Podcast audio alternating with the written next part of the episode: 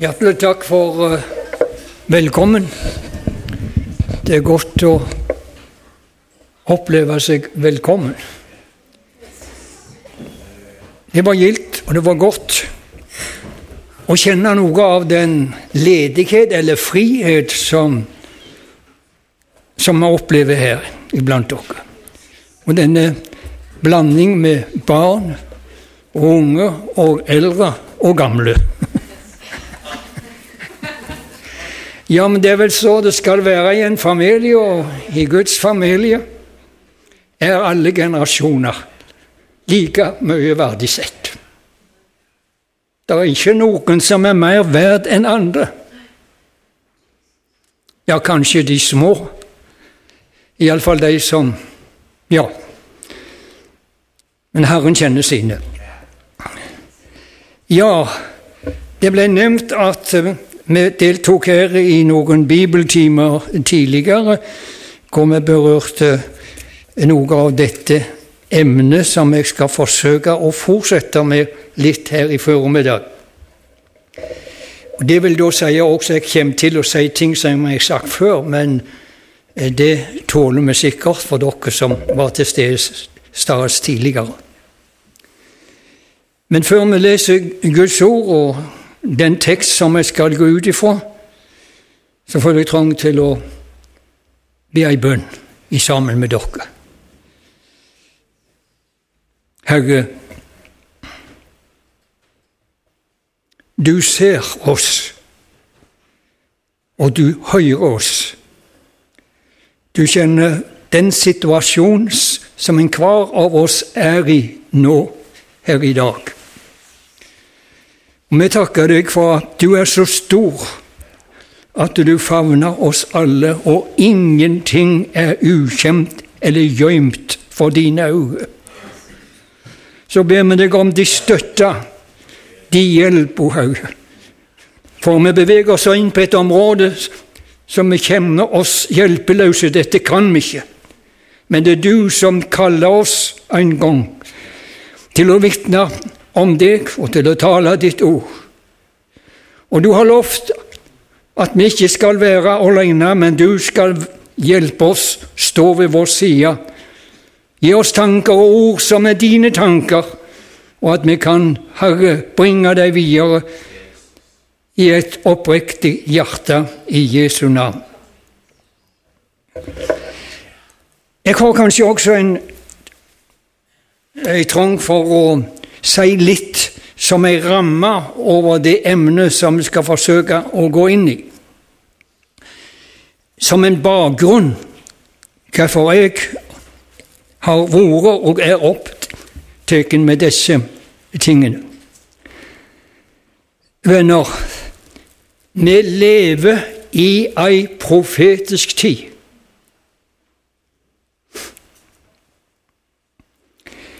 Den tid som vi lever i, er omtala fra eldgamle dager av i de hellige skriftene. De var kjent av Guds profeter, og de taler om vår tid.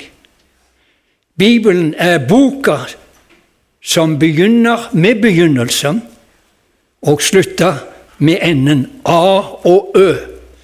Alt innenfor denne ramma finner vi menneskehet og det som Bibelen ellers eh, taler om. Og det som ligger på, som ansvar på min sjel, på meg som person, som kristen, det er at jeg må være orientert i den tid som profetisk orientert. For hvis vi ikke er profetisk orientert, da vandrer vi, da lever vi liksom uten kart og uten kompass. Når jeg taler om eller nevner dette med profetisk tid og profetisk orientert, så er vår tid å sammenligne med Noas tid. Med Israels utgang fra Egypt og med den største profetiske tid inntil nå, som Bibelen taler om når Jesus Messias gjesta sitt folk og denne jord med sitt budskap. Men vår tid vil endatil overgå Israels utgang fra Egypt. Overgå det som hendte i Noas tid, og også i den nytestamentlige tid, det som her står skrevet om. Den tid har i sitt skjøt Den er svanger med en ny ting, en ny dimensjon, en ny tidsutholdning. Og Derfor er det så om å gjøre at vi som Guds menighet kjenner den tida som vi lever i. Og ikke bare at vi kjenner de store ting som hender der ute i verden. For vi er også en del av verden. Og det skjer profetiske ting her også i nord, i vårt eget land. Være orientert om de profetiske tegnene som synes seg, som gjør seg gjeldende, og som er virksomme i vårt samfunn, i vår by, i vår bygd, og hvor en er. For disse krefter de lar seg ikke utestenge eller begrense til et bestemt område, bare. Men det er som det er noe som hele globusen er utsatt for, og det er noe som gjelder alle folk og forhold.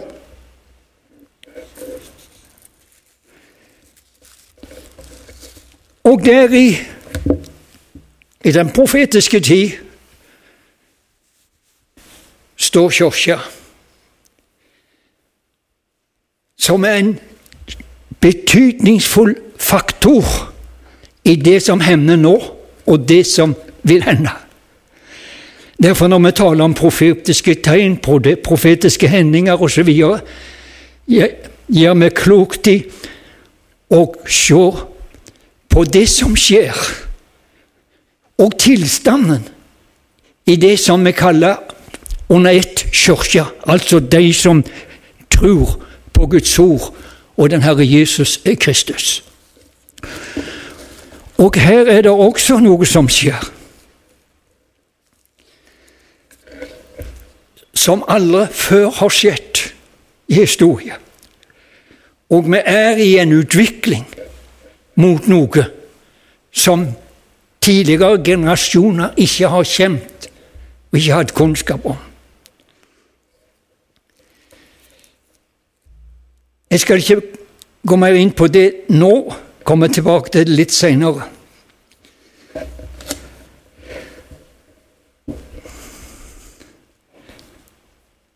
Hmm. Vi skal gå ut ifra 1. Johannes brev, som vi har gått ut for tidligere, i det første kapittel.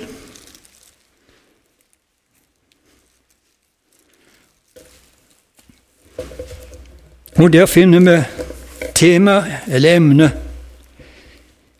som en setning i de versene som jeg nå skal lese opp.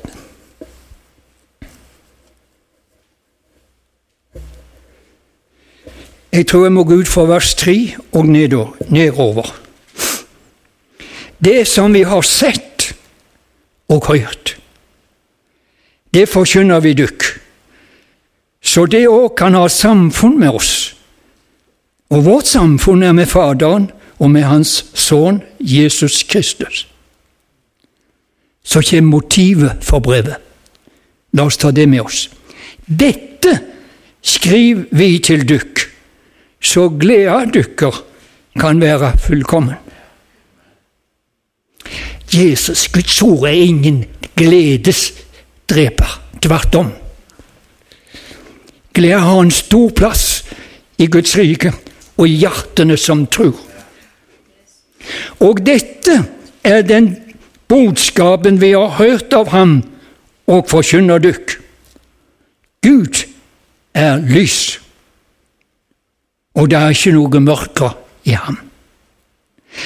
Det som vi sier at vi har samfunn med ham, men ferdes i mørket. Da lyver vi og gjør ikke sanninga. Men det er som vi ferdes i lyset. liksom han er i lyset. Da har vi samfunn med hverandre, og Jesus, hans sønns blod, renser oss fra all synd. Dersom vi sier vi har ikke synd, da dårer vi oss sjølve, og sanninga er ikke i oss. Dersom vi sanner syndene våre, er Han trufast og rettferdig, så Han tilgir oss syndene og renser oss fra all urettferd. Dersom vi sier at vi ikke har synda, da gjør vi Han til en lygner, og Hans ord er ikke i oss.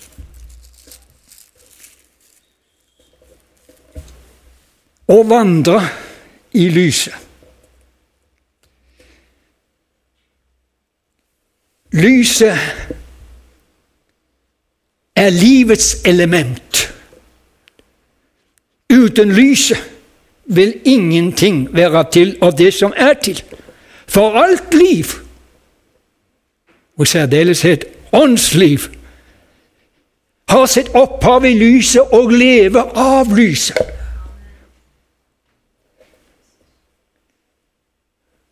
Lyset, slik som jeg ser det, står for Guds element. Det miljø, den livskraft som Gud opererer i. Mørket er ikke Guds element, og Gud er ikke aktiv i mørket, for det er ikke hans element som her står. Det er ikke mørke i ham. Men Guds aksjons-, operasjonselement er lyset. Og nåden, Guds nåde i Kristus Jesus, er maktesløs uten sanninger. Og sanninger er, er sprunget ut av lyset, er en del av lyset, står som symbol på lyset, erkjennelse og så videre.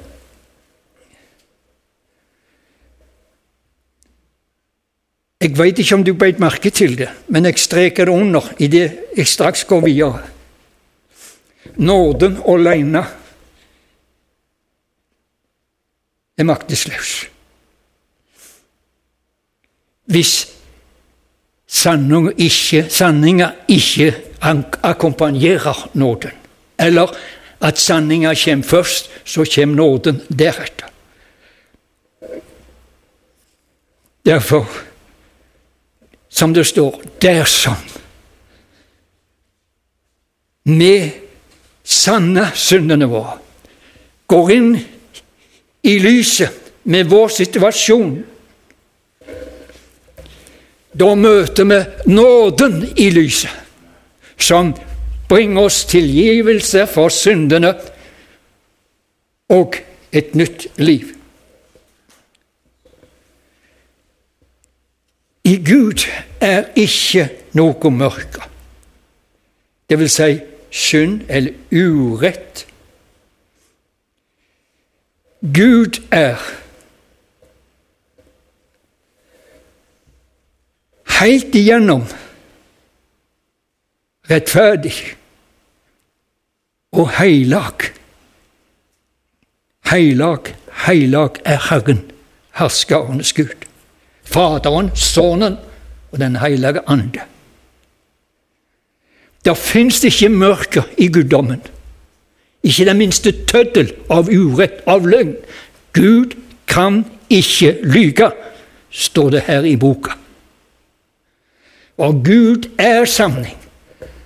Og hvis Gud skulle gjøre den minste urett, den minste løgn, så ville han opphøre med å være Gud.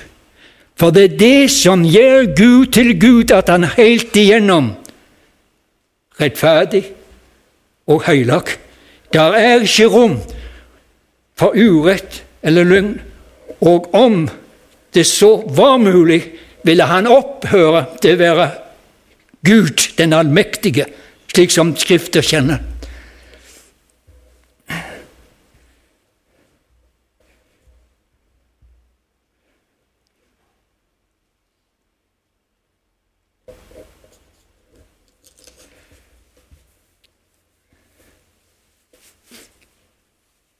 Jeg stopper litt, for det er ting som krysses i mitt indre.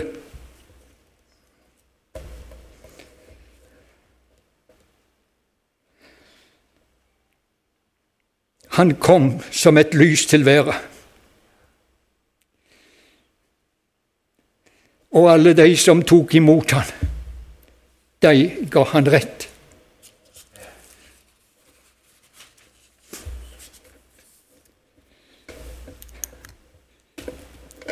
Vi snakker om Jesus som opererer, som er lyset, og som opererer, som er virksom i lyset. Og Der finnes ikke mørke i ham.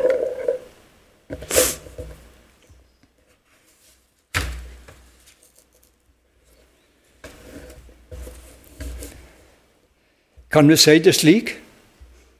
Gud i sitt vesen, i sin natur, er integral, fullstendig.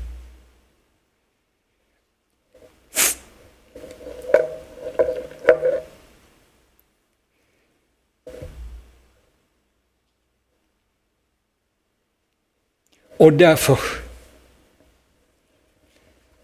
har Gud aldri utfordra seg sjøl eller krenke sin identitet ved å gjøre noe som ikke tilhører hans vesen og hans guddommelighet. Vi mennesker, når vi gjør eller utfører synd, snubler i synd eller bevisst gjør synd, da krenker vi vår identitet som mennesker. For mennesket er ikke skapt til å være en synder. Dypest sett er synd, umoral, imot det som er naturlig for en menneske. Og når vi lyver eller gjør et eller annet, som sagt, så krenker vi vår personlighet. For vi veit alle mer eller mindre har mennesket i seg sjøl et kjensle av hva som er rett eller urett. Lovens, lovens gjerninger er skrevet i våre hjerter. Så vi veit når vi trør over og gjør urett, og da krenker vi ikke bare Gud, men vi krenker vår egen personlighet, vårt eget mest intime ego.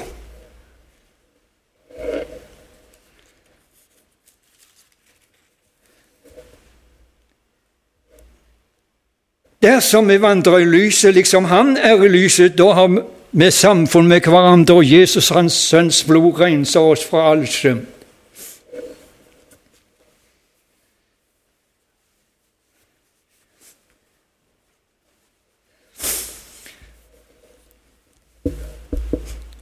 Av og til får en et inntrykk av, gjennom våre vitnesbyrd og endatil vår forkynnelse, og nå sikter jeg ikke til noe bestemt, det er generelt, det er en trend i tida.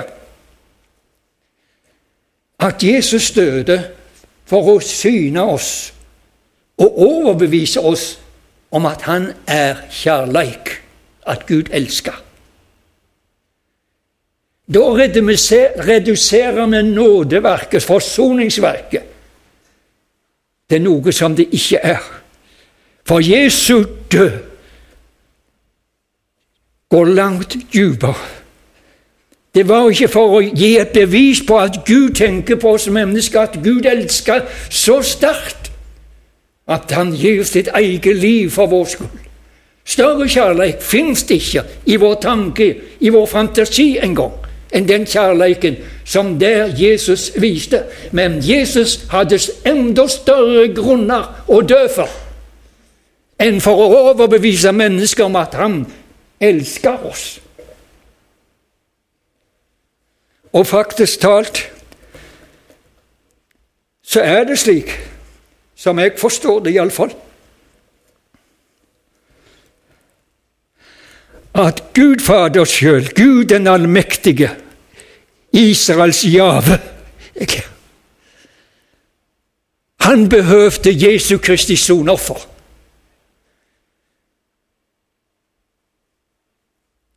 Jesus døde for Faderens skyld, for å gi Faderen legitimitet til å tilgi synderen. Og jeg siterer Paulus i Romerbrevet. For at han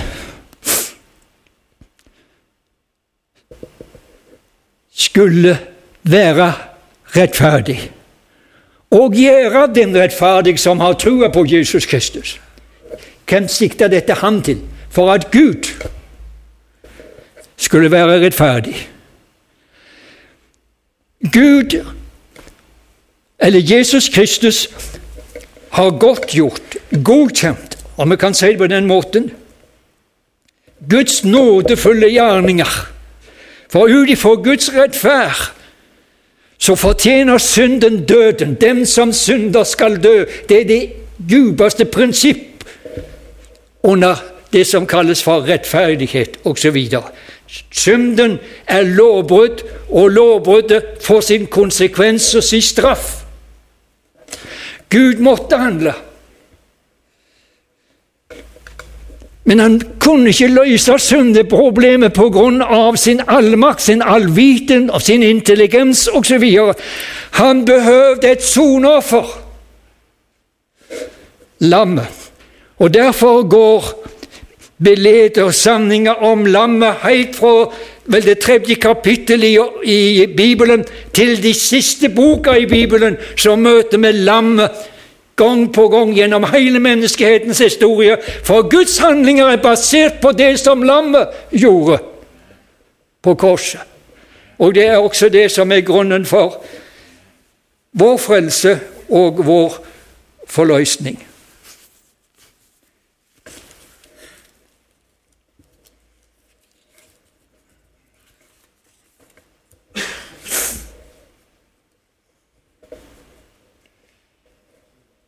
Ja.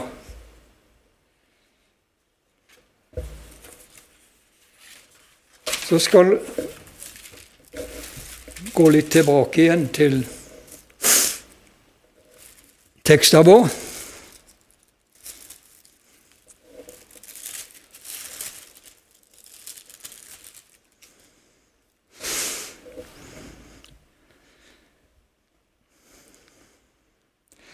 Altså hvis nåden og sanninga møtes, så er de to kreftene, elementene, åndsmaktene, Guds åndsmakt, mektig til å skape et nytt menneske i Kristus Jesus.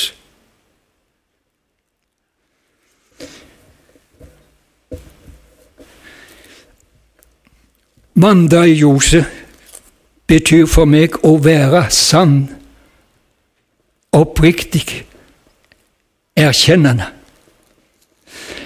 Og dette er understreket gjennom hele Bibelen. Bare nevne ett eksempel.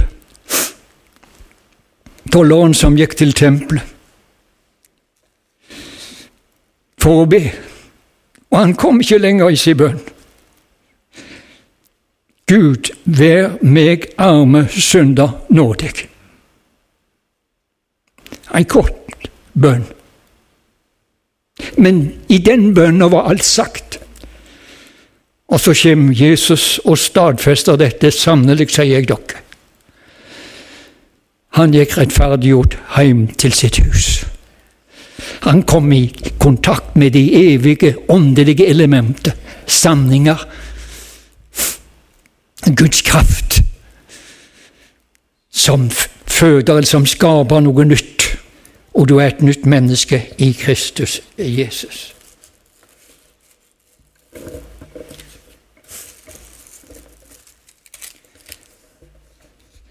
Hvorfor tar jeg dette med? Det er liksom En forberedelse for å komme inn på det som ligger sterkest på mitt hjerte. Det gamle testamentet, og ikke minst Det nye testamentet, gir et, gir et stort rom for tanken om synsbekjennelse.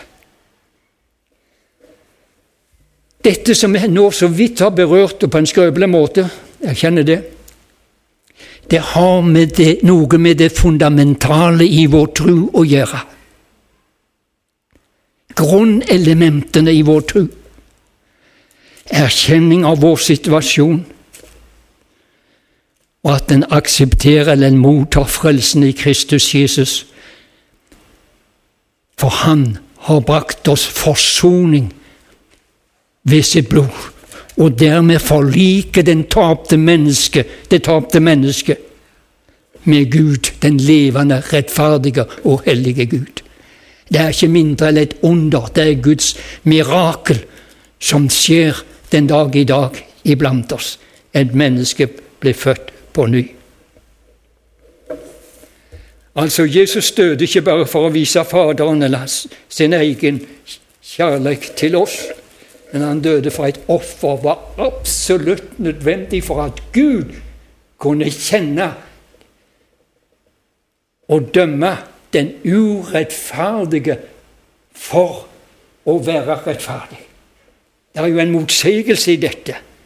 For at han skulle kjenne juridisk den urettferdige for å være rettferdig ved troa på Jesus i Kristus. Det er selve nerven i evangeliet.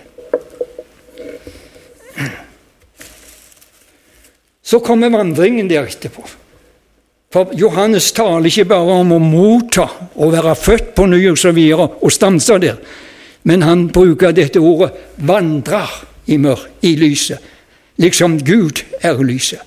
Og dette former, konstituerer en relasjon, et samfunn, mellom menneske og Gud skaper.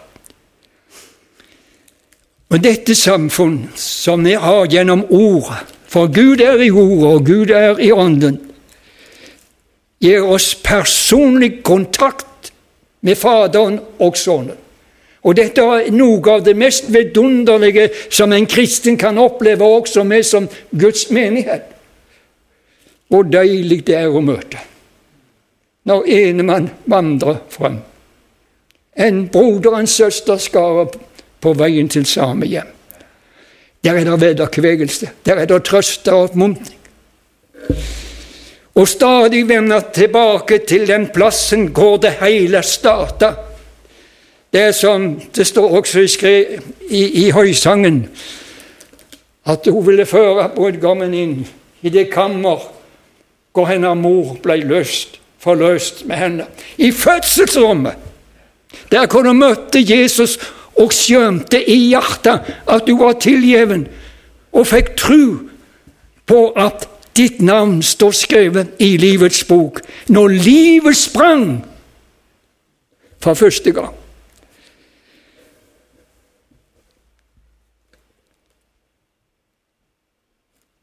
Å leve i en fødelsens under mirakel. Om du går videre, om du vokser i nåde og kjennskap til Han, så er det noe som du aldri vokser fra i Guds rike. I Åndens verden. Nåden i Kristus Jesus. Og det naturlige er for enhver bevisst kristen til å starte dagen med denne bekjennelse og med denne posisjonen også i dag stiller jeg meg under det blodbestemte kors. Under det lam som ble slakta. Og under hans makt og beskyttelse innvier jeg denne dagen og alt jeg skal gjøre, til hans ære, til hans pris. Du vokser aldri ifra Golgata. Du vokser aldri ifra sanninga om syndenes forlatelse. Du er vekst aldri fra den gleda som ble født i ditt hjerte når lyset gikk opp for deg, og du trodde du var et Guds barn. Nå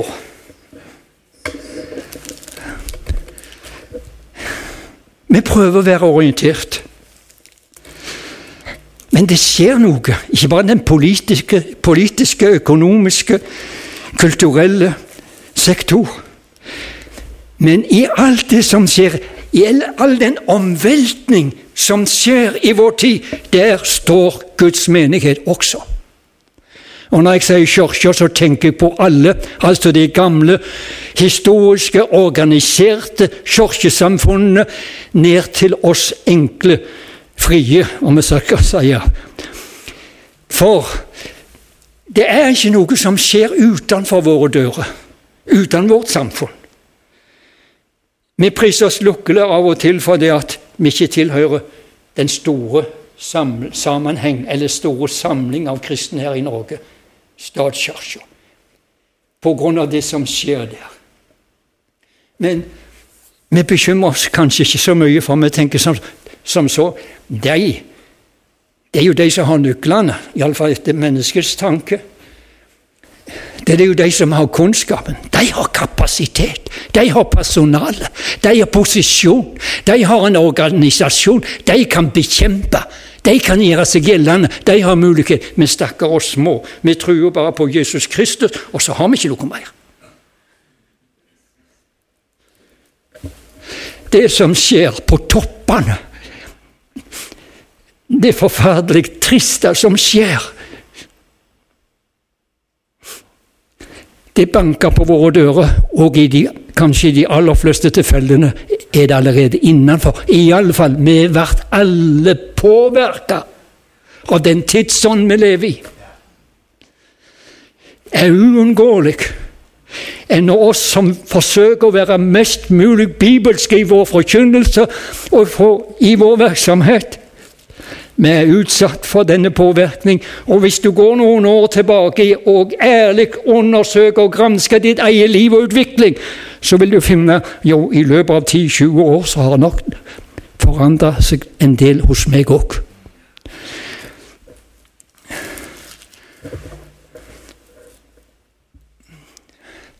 Nå, evangeliet Budskapet om Jesus Kristus og forløsning det er jo noe så strålende, så enestående. Og det håp som finnes i kristentrua, det er det ingenting her i verden som overgår, ikke kan jamstilles med evangeliet engang. Det er overalt. Stort, høyt, verdifullt. Evangeliet for dette livet som er, og for det liv som kommer. Som selv om framtida virker mørk, så er det allikevel lys for det folk som kjenner den Herre Jesus Kristus. Det er håp. Evangeliet er jo så rikt og angår jo hele mennesket. Og det er faktisk talt noe i evangeliet som appellerer til det naturlige mennesket. Og mange av de som vedkjenner seg det, den kristne moral, den kristne etikk, det er positivt. Vi vil gjerne ha det. Om ikke jeg personlig har, har uh, relasjoner til det, familie, barn osv. Jo, vi kan gjerne gi plass, et visst rom for dette. Det hendte allerede i den første tida at når Simon så det som ble gjort ved Philips forkynnelse og apostlenes besøk i Samaria, så kom han og ville kjøpe denne gåva for penger. Gi meg òg denne makt. Ja, jeg har opplevd at folk har kommet og spurt hvor mye det koster økonomisk, av penger altså, til å bli medlem på vår eller bli en del av vår menighet. For Simon så at her var det noe. her var det noe. Det appellerte til mennesket Simon. Den makt, den autoritet som apostlene hadde. Det var jo fascinerende. De talte bare noen få ord. Befalte i Jesu Kristi navn, så skjedde under og mirakel. Ja, men jeg vil ikke være villig til å betale ganske mye for å få slik en makt? For den som får tildelt en, den som en slik en makt virker i, han har mulighet til å få posisjon, aktelse, innflytelse på mennesket. Så midt i det vidunderligste Guds ord og evangeliet, så finnes det elementer som kan appellere til oss personlig. Jeg hadde Eller jeg fikk Jeg veit ikke hvordan det skjedde. Men uh, jeg søkte Gud, var i en periode, dette var en kveld spesielt. Jeg hadde lest og hørt om under og mirakel, om store gjerninger der ute, og framgang for evangeliet i Asia, Afrika, Sør-Amerika, og lest vitnesbyrd osv. Og, og jeg ba, som sikkert mange av oss har bedt, gi oss noe av dette. Det er det vi trenger. Under og miraklets kraft, så vi kan demonstrere hva Guds rike virkelig er, og at Jesus lever og er virksom den dag i dag. Jeg ba på min vanlige måte. Men så er det noe som bryter igjennom. Jeg skal ikke male det ut, men skal prøve å være så tro som mulig mot selve opplevelsen. Det var som ei røst sa til meg, Oddmar, du strever, du søker, du begjærer. Men jeg vil vise deg en bedre vei. Hva mente han med det? En bedre vei. Og så fikk jeg en leksjon som jeg aldri glemmer. Og denne leksjonen er det som ligger bak dette som jeg taler litt om i dag. Og det var og det står faktisk talt med i en annen sammenheng, en annen kontekst enn det som vi skulle vente. Men Gud sa til Israel, du søker store ting, søk deg ikke. Du skal ikke anvende det i en hvilken som helst situasjon og forhold, men det står virkelig. Det var det jeg følte. Det er noe som er større enn under og tegn og mirakel. Ja, det vet vi alle. Syndenes forlatelse. Jo, det er noe som er større enn å bli salva av Herren og få posisjon, autoritet og tillit i en Guds forsamling. Ja, det er et sønderknust hjerte. Ei ydmyk ånd. For han har sagt i sitt ord at han skal ikke ringakte det som er knust, det som er bøyd. Men han har gitt de som er bøyde, som er rett og slett trøtte. Og de som hungrer og tørster, har han gitt spesielle lovnader. Oppmerksomhet. Og for at jeg skulle forstå det, så førte han meg videre inn i Johannes døyper sin virksomhet.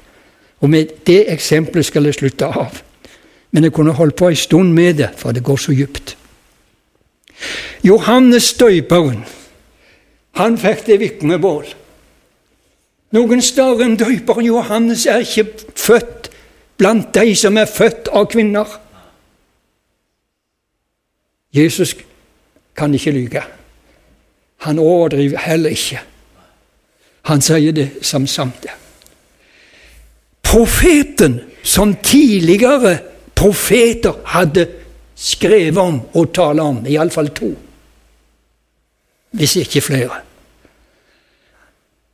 Profeten som var oppkalt etter en av de største gamle profetiske skikkelser i Israel, Elias. Og profetene, de, eller Gud gjennom profetene, kaller denne Johannes for med det samme navn som den historiske profeten Elias hadde. Sjå, jeg sender dere Elias før Herrens dag kjem, den store og herlige, eller også forferdelige, står det.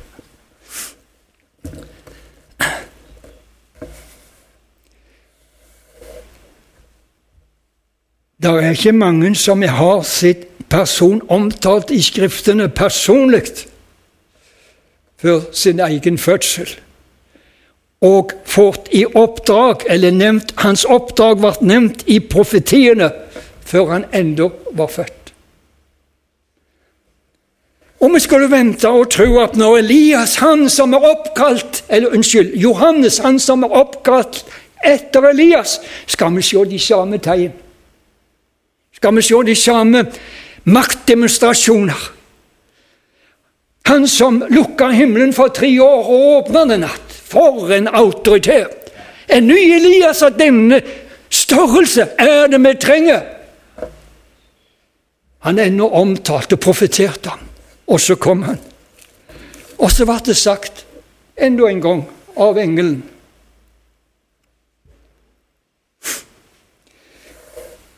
Han skal kalles stor. Stor. Stor for Gud. Stor for Gud! Elias, profeten for Det gamle testamentet. Han som hadde makt over regnet. Han var stor, han som taler kongen og dronninga rett imot, og han som vant over balprestene osv. Det er gjerningene, underne, mirakler som gjør en person stor. Jesus sa, det står i Skrifta, Johannes gjorde ingen tegn. Så jeg sier som det ble undervist meg ved Ånden. Johannes er profeten uten tegn, uten under, uten mirakel.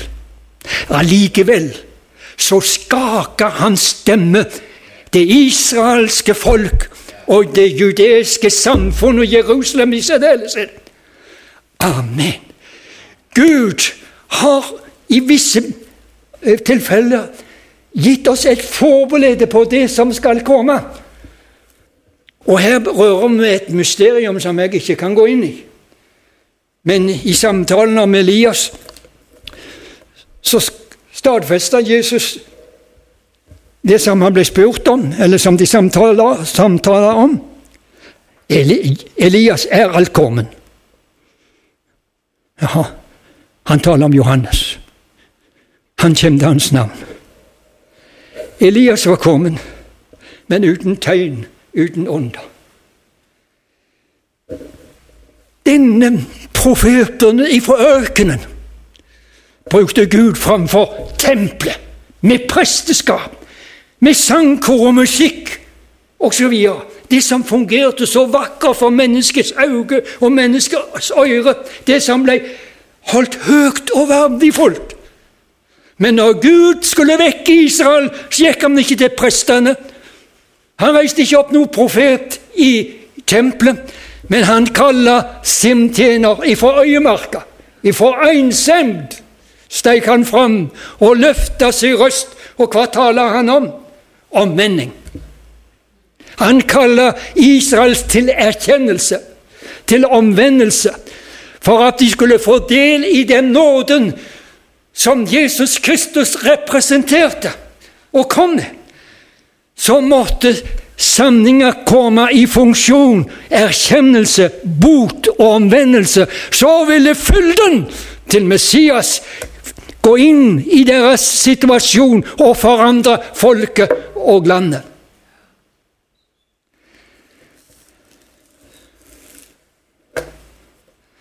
Jeg merker med mennesker, og vi er jo bare mennesker vi har så lett for å gripe etter det som er stort, det som er synlig, det som blir beundra, det som har effekt og kraft i seg, det som fungerer. Selvfølgelig helt naturlig, men det er en ting som veier mer enn alt det der.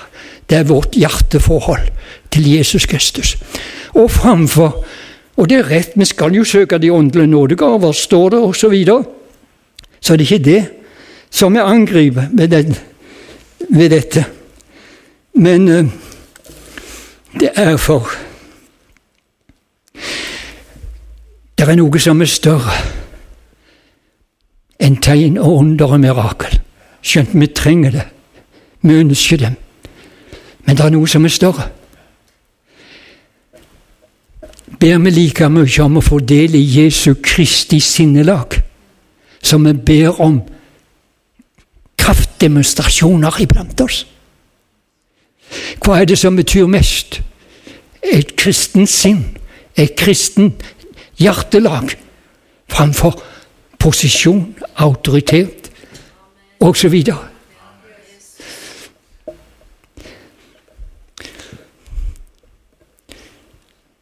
Peter han hadde mange opplevelser med haugen. Og det var noe i Peter som vi hadde tvunget til noen hver av oss. Allikevel. En gang så ble Jesus så stor for ham. Han hadde jo liksom trukket seg unna, kanskje det motløs. Og så kommer Jesus inn i den situasjonen og velsigner ham i fisket. På en ja, så stor en måte og uventa måte. For jeg har inntrykk av at Peter var litt flau når Jesus kom og oppsøkte han, han hadde vendt tilbake til fiskegarnet og alt dette her og ikke har fått noe. Og så kommer Jesus, og så gir han en, en, en stor art av fangst.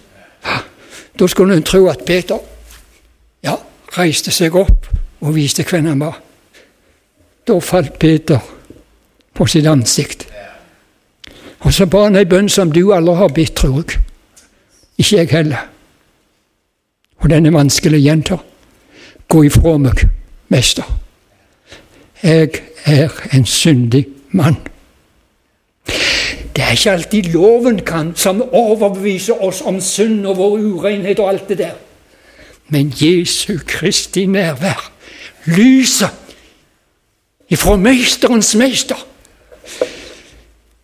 har mer innflytelse på vårt hjerte enn lovens bokstav. Du skal, du skal ikke. Ofte framkaller det bare mer forherdelse. Men når Peter så sin mester og herre betale han, eller gjengjelde han på denne måten, da knustes, den, da knustes fiskerens hjerte. Dette er for stort. Jeg er ikke verdig til å være med på dette. Jeg fortjener det ikke. Gå ifra meg. Jeg er en fisker! Frykt ikke, Peter. Frykt ikke, Peter. Fra nå av. Abba.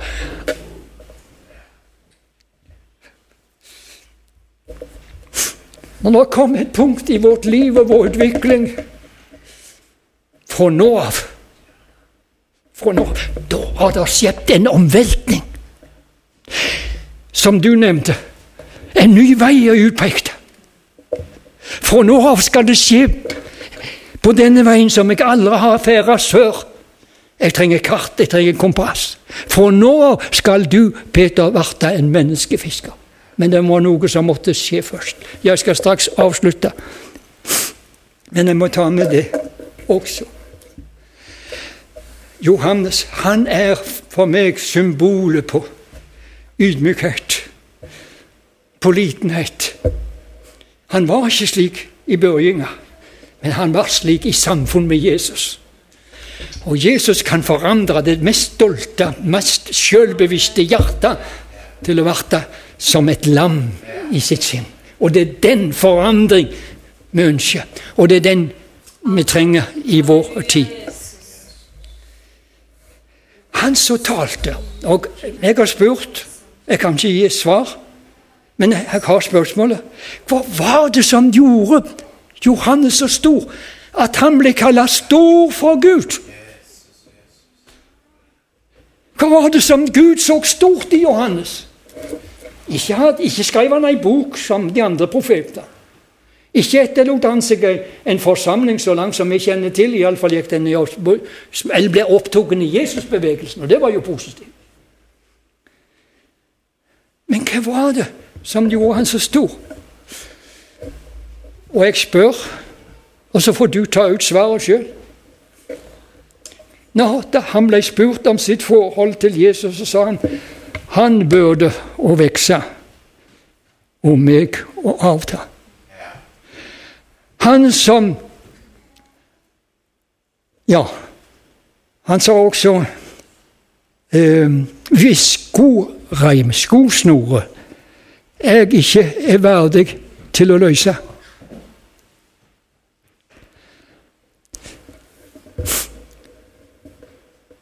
Og når han hørte nyheten om Jesu vekkelsen som brøt fram og tok mange av hans tilhengere med seg, så var han så storsinna. Nå var hans glede fullkommen. For det var jo derfor han var kommet, for å peke på Guds land. Og ingen profetiske profeti, profet i historien har vel vært så klar i sitt vitnesbyrd som Johannes når han sa Sjå,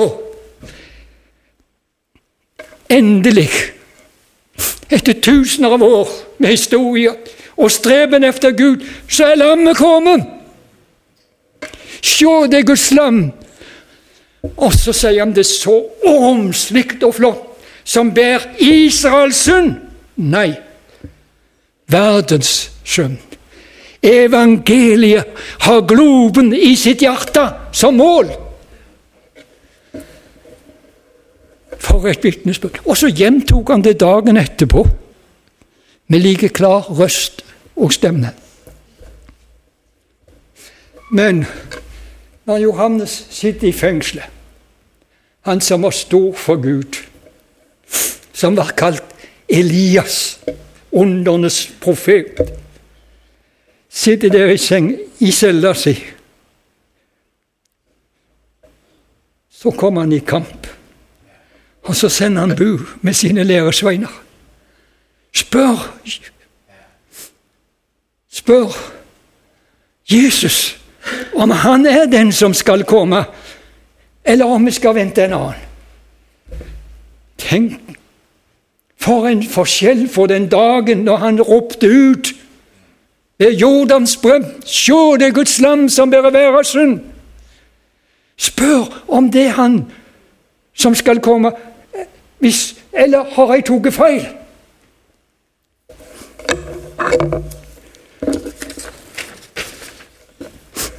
Stor for Gud. Den åndsmakt i dag som kan beseire de åndsmaktene som står imot trua er denne åndsmakt, denne tru på Jesus Kristus som Guds sønn. Og nærme oss til Han som det som er. Johannes skriver dette brevet for å skape glede for løsning. Og så nevner han disse store sannheter. I dag har vi den tendensen iblant oss at vi fokuserer så mye på kjærleiken, Guds godhet, Guds barmhjertighet, at vi glemmer andre sider av evangeliet. Og vi som har levd en del år og har ferdes i ulike forsamlinger og så vi videre, kommer ofte i tvil om Har Jesus blitt forandret? Presenterer vi apostlenes Jesus? Er vår Jesus den som profetene skrev og taler om? Eller har vi overdrevet og utelatt andre ting ved hans person og hans frelsesgjerning, slik at bildet er skakt? En ukjent, en ny, en framand Jesus. Det ble sagt dette I Hans navn skal omvendelse og syndenes forlatelse forkynnes for, all, for alle folkeslag. Og vi kan tilføye, for vi kjenner Bibelen såpass, for alle tider, inntil emnens tid, skal profetene og apostlenes Jesus forkynnes av en levende Guds menighet, som holder fast på den læra som profetene og apostlene ga oss. Ja, det var det som lå på mitt hjerte, og beklager at det ikke ble så klart som jeg hadde ønsket. Men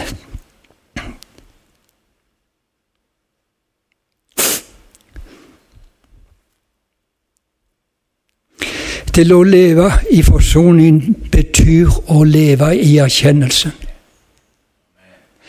Og hvorfor hører vi nesten aldri synsbekjennelse blant oss kristne? Vi forventer at verden skal komme og bekjenne sine synd. Men har Guds menighet ingenting å bekjenne? Hva om vi i vår generasjon, jeg i min og dere i deres generasjon, ber et ansvar for det som menighetene i tidligere generasjoner har gjort?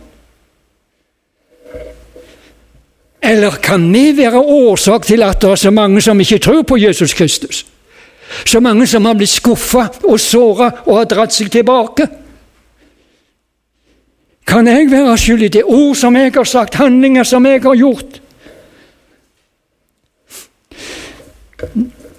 Gud kaller oss inn til omvendelse, og dommen skal begynne med Guds hus. Ransak meg, Herre, og syn meg, vis meg om jeg er på rett vei eller ikke.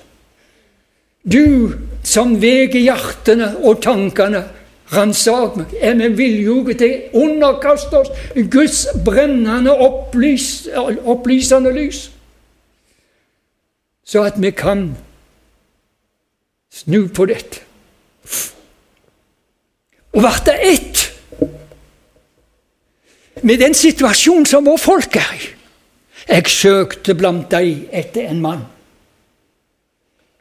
Gud den allmektige søker etter en person som ville mure opp en mur. Ja, det var vel voldsomt. Men det stoppa ikke der. Og som vil stille seg i gapet, i døra, i denne porten, til et vern for landet. For folket har vekt Guds vrede, som i gammel tid. Karet, eller begeret, det er fullt, og vi står i fare for at vanskelige tider kommer over oss med trengsel, forfølgelse osv. Og,